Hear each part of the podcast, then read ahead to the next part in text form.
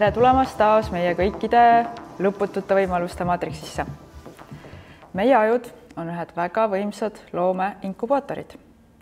ja kui eesmärgiks on elada parimat võimalikku elu, nagu meil ju kõigil on, siis on mõistlik luua reaalsust, kus sa ei ole mitte olukorra ohver, vaid sa oled olukorra peremees. tere, Andri! tervist! sinu elus oli üks äh, selline hetk, kus arstid ütlesid sulle, et nii, ole valmis, sa varsti oled äh, voodihaige ja põhimõtteliselt nagu ütlesid, et kuule, et sorry, et niisugune värk, aga noh, et noh, sa oled nüüd see ohver nagu, aga -hmm. sina hoopis äh, võtsid nagu ohjad enda kätte ja tegelikult tõid ennast sellest seisust välja. et äh, ma arvan, et võib-olla paljud inimesed on seda lugu juba kuulnud, aga paljud ei ole ka, et kas sa võiksid lühidalt rääkida, mis juhtus? lühidalt Äh, kaks tuhat viisteist lõpus diagnoositi mul selline autoimmuune haigus äh, nimega hulgiskleroos. ja hulgiskleroosiga on sageli niimoodi, et äh, noh, kuna ta on autoimmuune haigus, siis lääne biomeditsiini raamistikus, lääne biomeditsiinis töötades sellele haigusele ei ole ravi olemas, see on eluaegne haigus ja see on põhimõtteliselt ongi nagu sentence, et siin on mõistetud kuskile ja nii on ja nii läheb ja mitte midagi ei ole teha, ainus asi, mis me teha saame, on seda immuunosupressantidega pidurdada. Immuunosupressandid võtavad sümptomid ära, aga taustal olukord pidene, pidevalt halveneb. ja sel hetkel, kui mulle arstide poolt uudis öeldi, ma, võib-olla ma kujutan seda veidikene ette juba, aga niisugune mälupilt on, et kolm arsti olid ümberringi, öeldi, et kuule, et nüüd on aeg muutusteks, et su elu ei ole enam sarnane, mis ta oli ja et kuidagi seal midagi veel räägiti, pool jutust on kadunud, aga jutu lõpp oli, et nüüd pead hakkama ennast üle päeva süstima immuunosupressantidega. ja siis mul tekkis niisugune tugev eitus sees, et oota, et see ei ole päris, minuga ei juhtu niimoodi. ja et äh, kindlalt ei. ja ma olin nii selle vastu, et sellel hetkel kuidagi vanemad õnneks toetasid mu otsust, et ma ei lähe sellega kaasa. ja muidugi alguses oli väga keeruline, raske aeg, aga kuidagi mingi hetk seal tõmbasin ennast august välja, otsustasin noh otsustasin, et ma võtan kontrolli enda kätte ja hakkan uurima, et kuidas seda olukorda ise parandada. kui nemad ei saa hakkama, teen seda ise. Ja siis äh, mulle iseloomuselt oma, omaselt hakkasin uurima äärmustest tagasi normaalsuse poole. ja siis mingi hetk uurimise käigus sain aru, et äkki ei ole Venemaalt pärit põrandaalused ravid, mis hävitavad kogu mu immuunsüsteemi, ära ehitavad seda tagasi üles see kõige õigem tee, mida minna, see kõige esimene asi, mida proovida. äkki lihtsalt, kui ma tahan terveks saada, peaksin ma tervislikult elama. Ja see kõlab ülibanaalselt, aga sellel hetkel mul oli nagu kogu kehaga ärkamine, et ma saan ju tervislikult elada, siis ma saan terveks ja see hetk nagu klikkis täiesti ära. ja pärast seda ma olengi elu sinnapoole seadunud, et ma uurin pidevalt, katsetan proovin järgi kõike, et kuidas tervislikult elada, kuidas oma tervist optimeerida ja mis on minu jaoks need kõige õigemad viisid, mis minu tervist aitavad edendada ja sellest ajast saati, diagnoosist saati ma ei ole noh, võrreldes see hetke praegu ma ei ole elu sees nii terve olnud, ma ei ole elu sees nii kiire, tugev, tark, kõike muud olnud, kui ma olen äh, ennast kiitvalt praegu, et ma tunnen, ma olen oma elu tippvormis ja ma oman see ja ma olen tegelikult väga mõnes mõttes veider öelda, tänulik sellele diagnoosile, sest ma ei oleks siia jõudnud ja ma ei kujutaks ette, millised maailmavaated ja milline inimene ma oleks siis, kui ma ei oleks seda diagnoosi saanud. Aga kas sa toona olid siis äh,, ei elanud tervislikult või? mis sa, kirjelda, milline su lifestyle oli siis? niisugune keskmine Eesti noormees, niisugune Harju keskmine kahekümne aastane, vahepeal panid ikka pidu ja siis sõid rämpstoitu ja McDonaldsit vahel ikka ja siis oli pitsat ja tundus endale, et aeg-ajalt niisugused asjad, aga kui sa tagasi mõtled, hakkad neid nagu märkima, siis ikka nagu nädalas kolm-neli korda panid McDonaldsit ja pitsat ja rämpstoitu ja kütusele tankla ja tankla mingi purks ja tankla hot dogi ja niisugust asja, et no niisugune keskmine. kas sa oled uuesti ka käinud nende arstide juures? ma pidin ühe põrkumise tõttu oma perearstiga, kuna me väga hästi ei saa läbi nendest aegadest võib-olla, et meil on väga lahkarvamused igatepidi et siis ma, mind saadeti autokool, mitte autokoolis, vabandust, mul oli vaja oma lube uuendada või tahtsin, sorry, mootorrattalube saada, midagi, mingi niisugune situatsioon oli. Ja siis mind äh, ei tahetud tervisetõendit anda, öeldi, et sa pead nüüd minema sinna nende proovi, nende arsti juurde tagasi oma proovid andma, tõestama, et sul ei ole MS-i. noh, hiljem sain teada, et see oli jama, MS-i arst ütles, et miks sa siin oled aga siis nad tegid mul need testid ära, ma ei ole neid eh, MRT teste teinud, et ma ei ole masina alla läinud uuesti, aga kõik refleksitestid, kõik muud asjad, mis seal katsetati, öelda, et nagu ei oleks kunagi olnudki. aga MRT alla, ma olen mõelnud minna uuesti, aga miks ja teisest küljest ise, kui seal leitakse midagi, ega see mind õnnelikumaks ei tee. just, just. teame palju lugusid, kui inimene läheb suht nagu tervest peast sinna kuhugi testi alla ja siis öeldakse, kuule, et sul on see ja see ja kolmasada ja siis terve inimene üpris varsti siis nagu lähebki teise maailma. jah, ma ütlen, et haigeks on see notseebo efekt, mis on nagu platseebo ja notseebo on see negatiivne mõttespiraal, mis füüsiliselt siis nagu väljendub. no hästi konkreetne näide ongi ühe naisega, kellel äh, pandi kopsuvähi diagnoos, öeldi, et sul on jäänud pool aastat elada ja ta surigi äh, ära ja siis, kui tehti lahkamine, siis tuli välja, et ta oli kopsupõletik, et tal ei olnudki vähki, et ta lihtsalt nagu noh, saad aru, lõi endale selle, et tal tekkis siia mingisugune põletik, et noh, päris, päris juba nagu. aga, aga Jaanika, sina oled samuti inimene, kes noh, kõrvaltpilgul kõrvalpilgule vaadates justkui mängleva kergusega loob enda reaalsust. see ilmselt päris niimoodi ei ole, on ju. et äh, kindlasti sa pead ka nägema vaeva, aga sa oled samamoodi nagu Andri võtnud selle, võtnud ohjad enda kätte, et nii, see on minu elu ja mina teen nüüd niimoodi, mina tahan selliseid asju ja, ja siis nii juhtubki. et äh, sa isegi ütlesid, et sa oled mõelnud selle peale, et hakata teistele inimestele õpetama reaalsuse loomist, reaalsusloomet et äh, kuidas sa üldse selle peale tulid, millal sa puutusid kokku reaalsusloomega ja sa ja, ja kas see nagu tõesti päriselt toimib? jaa, toimibki. et äh, ma puutusin temaga kokku juba tegelikult äh, lapsepõlvest.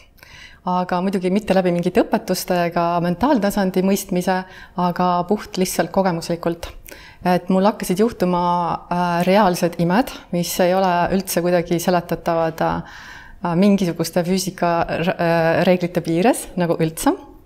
ja, ja see hoidis mind, ma arvan, ärkvel tegelikult, et see ei lasknud mul nagu maatriksisse nii-öelda, maatriksi und magama jääda ja ma ei saanud sellest mitte tuhkagi siis aru, mis minuga toimub kõik, ma ei saanud seda kellegiga jagada ja see tegelikult oli mõnes mõttes, mõnes mõttes täiesti uskumatu ja imeline, aga teises mõttes küllaltki piinav, et ma olin nagu üksi selles, et nägin, et teised elavad nagu mingisuguses äh, näitemängus ja, aga ma olen selle läbi näinud. et äh, asjad juhtuvad äh, sellised, mis juhtuda ei saa ja too siis, mõni näide, mis sul juhtus näiteks äh,? ma võiksin tuua näite, aga see, need on nagu nii kaugel äh, mõistmisvõimest inimestele, et äh, ma esimesena ma ei tahaks seda tuua lihtsalt sellepärast, et siis pandakse lukku, et see ajab hullu lihtsalt see inimene. et, äh, et, äh, et ma mõtlesin kunagi, et kui ma tõesti hakkan, ütleme noh, ma ei tea, loomist, siis see, see on kõige olulisem teema üldse. kõik lähtub sellest äh, loomisest. et kui ma hakkan seda kunagi kellelegi õpetama et siis on selline, ütleme nii-öelda edasijõudnu ta tasand, et enne tuleb vundament laduda, et sellest oleks võimalik aru saada, ma ei saanud sellest kolmkümmend aastat aru. ja peale suuri vaimseid õpp-, äh, ütleme siis otsimisi ja õppimisi ja kui ma hakkasin tegelikult aru saama, kuidas siis see reaalsus meile tekib, äh, siis mu, äh, siis ma alles sain aru. ja aga need olid siis ütleme lapsepõlve imed, siis ma ei saanud nagu ütleme mm,, ei mõistnud seda. aga millal ma teadlikult hakkasin otsima, oli, kui mul noh, juba täiskasvanu eas äh, juhtusid mitte nüüd, ma ei nimeta neid enam imedeks, aga imelised juhtumised ja mul oli täiesti konkreetsed kaks sellist täiesti alguse, konkreetse alguse ja lõpuga perioodi, kus mul läksid äh, iga minu tahe, iga minu soov äh, läks täide, ilma et ma oleks pidanud väikest näppu liigutama. ja see oli niivõrd absurd, et äh, peale neid kogemusi ma hakkasin äh, teadlikult otsima, et äh, kuidas ma siis seda kõike tegin ja noh, kui sa tahad, siin ma võin näiteid tuua okay, lihtsalt, on ju, selles mõttes, et, et need on juba nagu arusaadavad, aga nad lihtsalt imelised äh, juhtumised et esimene selline täiesti konkreetne periood oli, kui ma rändasin Indias, esimene äh, reisipool oli hästi raske. see oli erakordselt raske, ma hääletasin Indiasse, ma istusin vahepeal vangis ja see oli üks lõputu võitlus oma elu eest, on ju. oota, sa hääletasid Indiasse? Eestist häälega hakkasid? jaa mm -hmm. keset talve, igasuguseid hullusid on, on ju. jah, ja see oli erakordselt raske reis nagu lihtsalt või lõputu võitlus oma elu eest, on ju, ja siis ma mingil hetkel olen keset New Delhit lõpuni ära kurnatud ja mõtlen, et milleks ma seda kõike nagu endale loon et äh, keegi peaks nii palju kannatama. ja sellel hetkel lööb nagu käis niisugune äh, sähvatus läbi äh,, nimetatakse tagantjärgi sain teada, need on satoorid, minivalgustumised nii-öelda ja tuli lause, konkreetselt tuli lausena nagu häälena, sisehäälena ja pildina, sisemise pildina. mina ei ole tegija, mina olen kogeja see mina olen, on siin hästi tähtis, pärast räägin natuke pikemalt. ja sellest hetkest, kui ma ei teadnud, ma ei osanud oma probleemidele lahendusi leida ja nii edasi, mul oli vaja Himaalajasse minna ja nii edasi, väikesse külla kuhugi, mul oli vaja Dalai-laamat näha, ma ei mäleta, mis ma seal, noh, kuhu mul oli kõik vaja minna. Ja see on ju noh, mitmekümne miljoni linn. Ja sellel hetkel sõidab mulle ette buss ja hüüab mulle täpselt selle pisikese küla nime, kuhu ta siis nagu sõidab. ja sellest hetkest mul hakkas lihtsalt minema niimoodi, et ma mõtlesin ja mulle tuli nagu noh, nagu üks punast vaipa lahti rullitud. Ja ma ainult astusin sinna peale ja iga järgmine mõte mul tuli parem, kui ma oskasin tahta. Tuli äh,, tuli see lahendus. ja, ja, ja, ja reisi lõpuni ma ainult naersin, ma lihtsalt naersin, mõtlesin, et ma ei usu, et ma elan sellist elu, nagu mingi lendava vaiba peal oleksin lennanud ja ma tulin koju ja see periood lõppes ära mingil peri-, mingil hetkel häälega tulid koju või? ei, see oli veel crazy m oli see asi kõik, on ju, aga noh, äge, äge oli kõik.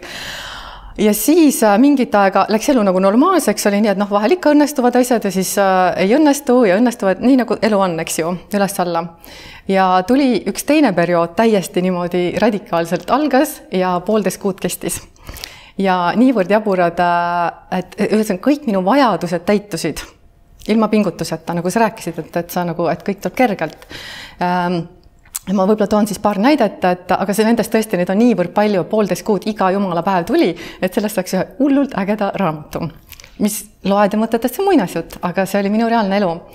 ja ütleme, et mm, äh, ma elasin, ma olin maja ehitanud Piritale, äh, Põhupaki maja ja ühel hetkel oli mm, niimoodi, et okei okay,, seda ma ei räägi, see on natuke liiga pikaks, aga ma võtan teise näite, et äh, Äh, puud ja põõsad, mis ma olin kõik sinna maja ümber istutanud, ühel hetkel nad kõik kidusid ja igalühel oli mingi haigus peal. Ja ma mõtlesin, et äh, minna lihtsalt taimepoodi, ma isegi ei oska ju öelda, mis mul vaja on, kuidas ma ostan, et mul on vaja nagu ühte spetsialisti, aga kus ma niisugust leian, kes tuleb koju nagu mulle siis nõu andma.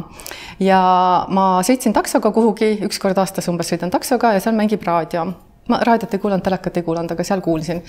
ja ei tulnud mingi tavaline tüüpiline plama, vaid tuli nagu jube asjalik äh, jutt taimedest ja ma kuulan seda tähelepanuga, mõtlen, et vau, et vot see on äh, tõeline spets, oma ala nagu proff ja vot sellist tüüpi ma endale tahaksin äh, nõu andma. ja, aga ma ei tea, kes see räägibki ja astun taksost välja ja see ütleb, just lõpeb saade, et külas oli meil dendroloog Olev Aabner mul jäi lihtsalt nimi meelde, ma mõtlesin, et okei okay,, ta on teadlane, ta ei tee koduperenaistele äh, konsultatsioone äh,. paar nädalat hiljem on mul aia taga, on kaks meest, luuravad, vaatavad seal midagi. Ja ühel hetkel äh, küsib, et kas me võiksime teie aeda korraks tulla vaatama, et ja, ja see on üks äh, haruldane puu. Ja me tahaksime seda seestpoolt näha. Ja tulevad ja vaatavad minu aia täpselt nurgas. On üks kõige koledam rääbakas kuusk, mida ma aeg lootsin, et tormiga ümber kukub. Ja väljast oli talle parem vaade, seestpoolt ei olnud, sest et ta oli nagu kuuri taga. Ja ja vaatavad selle puu ära, hakkavad ära minema äh,, tänavad ja ulatab oma visiitkaardi ja ma vaatan visiitkaardi ja ma röögatasin. dendroloog Olev Abner ja see tegi suured silmad, et, äh, et äh, miks ma niimoodi reageerin, siis ma ütlesin, et see ei ole võimalik põhimõtteliselt. et ma mõtlesin, et mul on probleem ja ma mõtlesin, et teie oletegi, äh, kellega ma tahaksin nõu pidada ja nüüd te olete minu aias ja, aga minu aeda pääseb läbi kortermaja kinnise hoovi, puldiga värav on ees, et see ei astu nagu tänavalt lihtsalt minu aeda sisse ja mõtlesin, kas te pakute konsultatsiooni, noh muidu ei paku, aga põhimõtteliselt meil on kakskümmend minutit aega, et käime läbi. võtsin paberipliiatsi iga taime kohta, kirjutasin üles, mis on vaja. kergitasin mütsi, ma küsin, mis ma teile võlgnen, mitte midagi. ja astusid uksest välja äh,. siis ma mul oli äh, puuonni ehitasin ja mulle jäi sinna hästi palju ehitusrämpsu. Ja seal olid äh, tsemendikotid ja suured palgid ja kõik nii edasi. ja ma ei jaksanud seda ise ära koristada. Ja polnud nagu kedagi appi ka küsida, sõpradel oli kõigil mingi oma tegemine. ja ma söön toas nagu pannkooke ja lihtsalt mõtlen niisugust äh, suvalist mõtet, unistan niimoodi et äh, oleks niimoodi, et äh, ma satun kokku ühe seiklejaga ja ta otsib kohta, kus elada ja siis ma pakun nagu oma aeda ja siis äh, äh ta pakub mulle vastutasuks selle eest äh, seda nii-öelda koristustööd. ja läheb mõni nädal mööda ja ma lähen last bussi peale saatma ja valin teise tee ja vaatan, et joodik istub seal, jalutab mööda ja lähen mööda, vaatan, et ta vist ei ole, et vist on rändur ja mõtlen, kui ma tagasi tulen, ma küsin, kas tal on abi vaja. Ja ma mõtlesin, ma küsin ainult siis, kui ta pilgu tõstab. ta ei tõstnud pilku, meil ei tekkinud kontakti ja ma jalutasin mööda. ja järgmine päev on mul naaber ukse taga koputab ja seesama mees on tema kõrval ja ütleb, et otsib siin kedagi Irinat. ma ütlesin, mina ei tea siin ühtegi Irinat, et siin on kortermajad, et äh, ei tea. aga et ta rändur, siis ma kutsun sisse, pakun teed, enne kui ta ära läheb. Ja ta tuleb ja hakkab rääkima, et ta tahab Soome minna, ta tuleb Hispaaniast äh,, tahab jahivikka Soome minna, et kas ma tean ühte turvalist kohta, kus ööbida siin telgiga. ma ütlesin, et kogu Pirita on turvaline, aga minu aed on ka, võid olla siin. aga tegelikult mul sai otse või just praegu sai puuonn valmis, et võid ka seal ööbida ja ta ütles, et okei okay,, väga hea, ma ei, mu raha pole maksta, aga ma võin sul tööd teha selle eest, et ma võin sul süüa teha. et süüa ma oskan ise jube hästi teha, aga sa jaksad nagu raskeid asju tõsta. ja see asi lõppes sellega, et äh, ta elas mu juures, ta pidi olema Tallinnas üks päev, kuni ta leiab jahi, millega Soome sõita äh,. ja päädis sellega, et ta koristas mul kõik ära, ta elas minu juures poolteist kuud. ta tegi mulle igal hommikul süüa, tegi lõunasööki, oli mu lapsele parim mängukaaslane ja tegi mul metsatöid ja nii edasi ja mitte sentigi raha loomulikult ei võtnud. ja nii kui mul said kõik tööd tehtud, siis ta leidis jahi, enne ei leidnud poolteist kuud äh, millega ta siis sai Soome sõita ja siis ta ma oli mõtlesin. sarnane nagu sina, et ta nagu mani-, manifesteeris selle jahi endale mis iganes, aga mina manifesteerisin endale selle perfektse abilise, kes tegi mul kümme korda rohkem, kui ma unistasin Hispaaniast. ja kui ma veel küsisin, miks sa Tallinnasse tulid, ta ütles, et ma ei tahtnud Tallinnasse tulla, aga ma tahtsin rännata küsimärgi kujuliselt ja kaardi peal. Tallinn oli lihtsalt ees. Ja siis ma mõtlesin, et okei okay,, et loomisel päriselt pole piire ees, et sa ainult unistad, lihtsalt unistad. ja sulle korraldatakse kõige ajuvabamalt äh, need lahendused sellised, mida su teadlik mõistus ei oska välja mõelda. aga neid oli iga jumala päev ja ma ainult naersin ja naersin ja mõtlesin, et ähm, et kuidas see siis kõik toimub ja siis ma hakkasin nagu uurima, et kuidas nüüd teadlikult looma, sest poolteist kuud mul see äh, imede periood kestis. kõige absurdsemad teostumised et äh, sõbrad ümberringi ütlesid kogu aeg, et Jaanika, sa oled nõid ja et see ei ole võimalik. ma ise ka mõtlesin, et noh, kuidas see saab olla. ja siis ma tegin endale nii-öelda selle teooria ka nagu selgeks, selle mehhanismi, äh, kuidas see äh, kõik toimub. ja nüüd ma enda jaoks olen kõik nii-öelda nurgatagused läbi käinud. meil on loomisteooriaid on muide noh, räägivad paljud aga kuulan paljusid ja ma näen seal küllaltki korralikke auke sees, et kõik ei olegi väga täpsed ja siis see loomine ei teostu ka, kui sa seda nii-öelda äh, mudelit äh, päriselt ei mõista ja seda seadust täpselt ei rakenda. väga huvitav, et me praegu, meie tegelikult see saade on mõeldud äh, tervise teemale, eks ju. ja nüüd, kui rääkida loomisest, siis hetkel maailmas on meil käimas niisugune noh, mida võib nimetada tervisediktatuuri kehtestuseks või vähemalt nad üritavad, eks ju. et kui nüüd rääkida loomisest, siis kuidas me saaksime luua niisuguse maailma, et see diktatuur siin ei rakendu. kui te saate mu küsimusest nagu aru. ja kas see on üldse võimalik või kas me ka selli ja isegi kui ta rakendub, siis kas me lihtsalt peaksime sellest mööda vaatama ja elama oma elu nii, nagu me kogu aeg elame, aga mingil hetkel see võib hakata takistama, näiteks on ju meile kõigile meeldib reisida, mis me siis teeme, kas me hakkame võltsima vaktsiinipasse või, või kuidas see käib, et kas meil on kas, kas see nagu loomisjõud saab minna ka meid, meie, meist väljapoole või see ikkagi kehtib ainult meile endale, et kui me loome endale positiivset tulevikku, siis kas see käib ainult meie kohta? ma ei ole loomise teemal ekspert aga, aga sa oled enda, enda tervisest äh, vastutamise ekspert? ja no kui ma üritan pragmaatiliselt sellest mõelda siis äh, mis on mu niisugune tava, tavameetod, milles ma funktsioneerin kogu aeg. et äh, ma leian, et isiku tasemel, kui me noh, ütleme niimoodi, et viimased kaks aastat on olnud selline hea periood, kus äh, sarnaselt, sinule sarnase mõtlemismaailmaga inimesed paistavad väga hästi silma. ja inimesed, kes sa arvasid, kes, kellega te olete ühel meelel või teil on samad väärtused, jagate väärtuseid, siis ma ümberringi olen väga palju täheldanud, et eh, inim-, noh, on kaotatud kontakti nende inimestega, kes on väljaspool sinu seda nii-öelda mõtteringi. mõnes mõttes võib see olla halb, et me oleme kõik oma väikestes mullikestes, aga teisest küljest me kohtume teiste sarnaste väärtustega inimestega ja mul on tunne ka, et seda, et kui me jälgime, mis on toimunud siin viimaste aastate jooksul, kuidas me peame lihtsalt pimesi usaldama kõiki eksperte, kuidas mitte midagi ei tohi kahtluse alla seada, siis väga paljud noh, see on mu isiklik täheldus, aga ma olen näinud, et väga paljud kaotavad juba uskumust, kaotavad usaldust lihtsalt pimedas, pimesi ekspertidesse. et nüüd me ei pea enam kuulama, noh, inimesed lihtsalt ei kuula kõike, mida öeldakse, et julgetakse rohkem kahelda selles äh, arvamuses, mis sulle pähe määritakse, öeldakse, kuidas sa mõtlema pead. ja ma leian, et kui me vaikselt laseme sellel protsessil toimida, siis loodetavasti, see on muidugi lootuse panemine sinna, noh, ma kasutan sõna ärkama, siis aina rohkem inimesi ärkab ja saab sellest aru ja see, toimetavad, liigutavad oma iseseisvuse poole. et ma ei, ma ei julge nagu ma, ma ei väidaks niimoodi, et siin on üks suur kuri valitsus, kellel on üks suur kuri plaan kõiki inimesi allutada ma pigem leian, et siin on hästi palju võimsaid jõude, mis kõik üksteise vastu liiguvad, üksteisega põrkuvad ja kõik tahavad lihtsalt seda oma seda ülemvõimu ja mingid asjad sageli, mis võivad ka sinu vaatepunktidega kokku minna või sinu vaatepunkti toetada, võivad olla ka mingil teisel eesmärgil tehtud, et oma võimu sealt läbi lüüa, et see, see ei pruugi üldse sinu seda loodetavat, oodatavat tulevikku toetada ega neid plaane, mida sina loodad tulevikus näha, toetada kuidagi mm. -hmm. No vot selles mõttes ikkagi on lootust, et meil ei tule päris sellist diktatuuri, nagu me siin vahepeal tegelikult juba kogesime, on ju, mis oli niisugune aja, ajutine ja mida noh, tahetakse teha ka püsivaks. aga mul, mul on tunne, et siit oli hästi palju õppetunde ka, et juba praegu teadvustatakse ju, et väga paljud piirangud, mis sätestati, väga palju nõudeid, mis kehtestati, et need olid ilmselgelt võimu ülekasutamised nagu võimu inglise keeles hea sõna abuse, mul ei ole eestikeelset vastast praegu, võimu kuritarvitamised mm. -hmm. et ma tõsiselt loodan, et nendele tuleb mingisugust eh, nüüd vastukaja, mingisugust vastutusele võtmist. aga eks, eks ainult aeg näitab selles suhtes.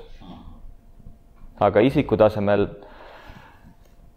väga raske, ainus asi, mis mina isiku tasemel teha saangi, ongi oma mõttemaailma, mõttemaailma teistega jagada ja ümbritseda ennast inimestega, kes seda väärtustavad, kes seda kuulda soovivad, kes minuga sarnaselt mõtlevad ja loota, et see on niimoodi lihtsalt puhtalt minu eksisteerimisest ja heaolust nagu levima hakkab, sest ma ei lähe kuskile, noh, ma ei ole niisugune inimene, ma rea-, täiesti reaalselt rääkides, ma ei lähe piketiga kuskile ette karjuma ega mingeid asju tegema, ma ei lähe ise valitsusse, et seda asja, süsteemi proovida seestpoolt muuta ma ei lähe neid asju tegema, et kui ma täiesti realist olen, siis ma lihtsalt loodan, et see minuga aja veetmine, minu siin saates olemine, selle rääkimine, et sellel on juba oma mõju olemas. kindlasti on ja, ja aga ma küsiks teilt mõlemalt, kas te viimase kahe nüüd kolme aasta jooksul olete haige olnud, nüüd kui meil oli see enneolematu laustaud?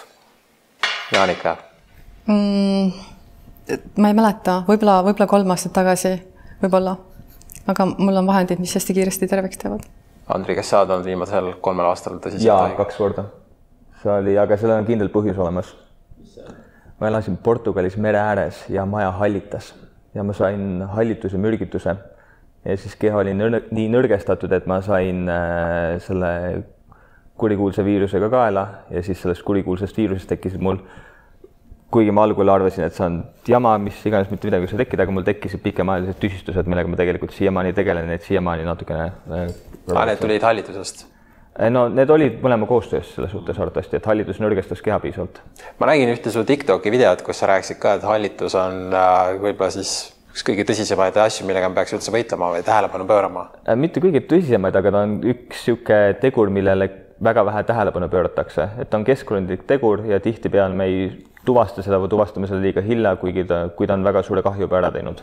kas hallitus levib ainult, ütleme, vanemates majades või võib ka vabalt olla uutes? väga vabalt võib olla uutes, sellepärast et hallitus, noh, hallitust, hallituse põhjustajaid võivad olla palju, aga näiteks Portugalis konkreetselt, kus ma elasin, tekkisid mõlemad majad, kus hallitus tekkis, olid uued majad.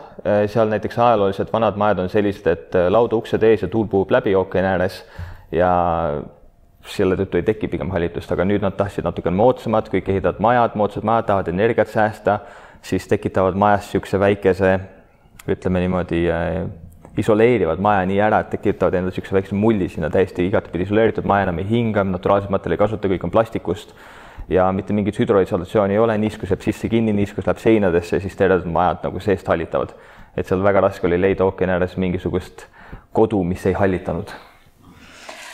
see on päris huvitav tegelikult, et inimesed äh, isegi kui nad äh, nagu loovad seda kodu endale, kui nad loovad endale tulevikku, siis äh, kui mõelda nüüd terve olemisest ja tervislikkusest, siis see tihtipeale jääb pidama ainult sinu toitumisse ja liikumisse. aga selle peale, et ka su keskkond oleks tervislik ja terve, et sa ikkagi saaksid nagu tervena noh, elada pikka elu, sellele üldse ei mõelda